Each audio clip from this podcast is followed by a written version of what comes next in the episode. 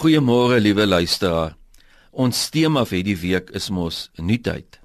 Ons gesels oor nuwe dinge. Vandag gesels ons oor 'n nuwe gebod. In Johannes 13 vers 34 gee Jesus vir sy disippels 'n nuwe gebod en dan sê hy: "Julle moet mekaar lief hê, soos ek julle liefhet, moet julle mekaar ook lief hê." Jesus self noem dit 'n nuwe gebod.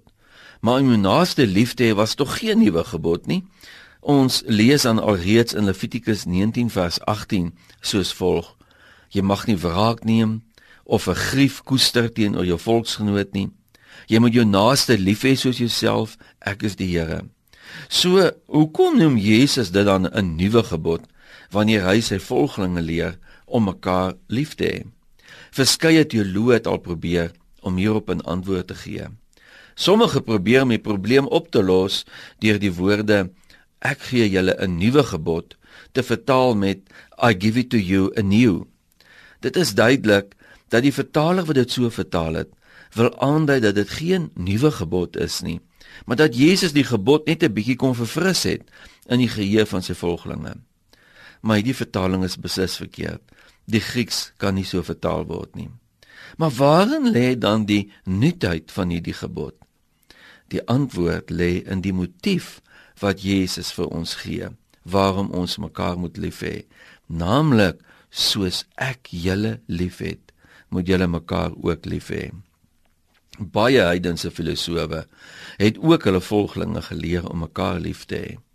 Maar die enigste motivering wat hulle vir sulke gedrag kon gee was dat dit darm ordentlike en goeie gedrag is om ander lief te hê Verder het hulle geglo dat 'n mens daarom ook moet baat by jou opoffering om lief te hê.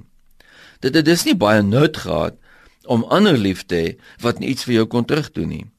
Maar Jesus gee 'n splinter nuwe motivering vir die liefdesgebod. Hy sê ons moet mekaar lief hê soos wat Jesus ons liefhet. Die manier hoe Jesus op aarde liefgehad het, is hoe ons moet lief hê.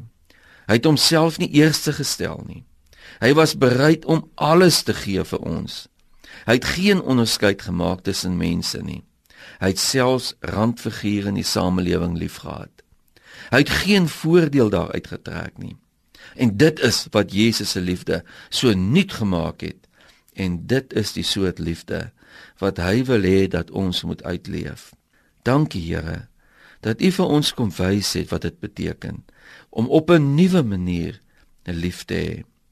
Mag mense vandag in ons lewe sien dat ons U as model probeer navolg. Amen.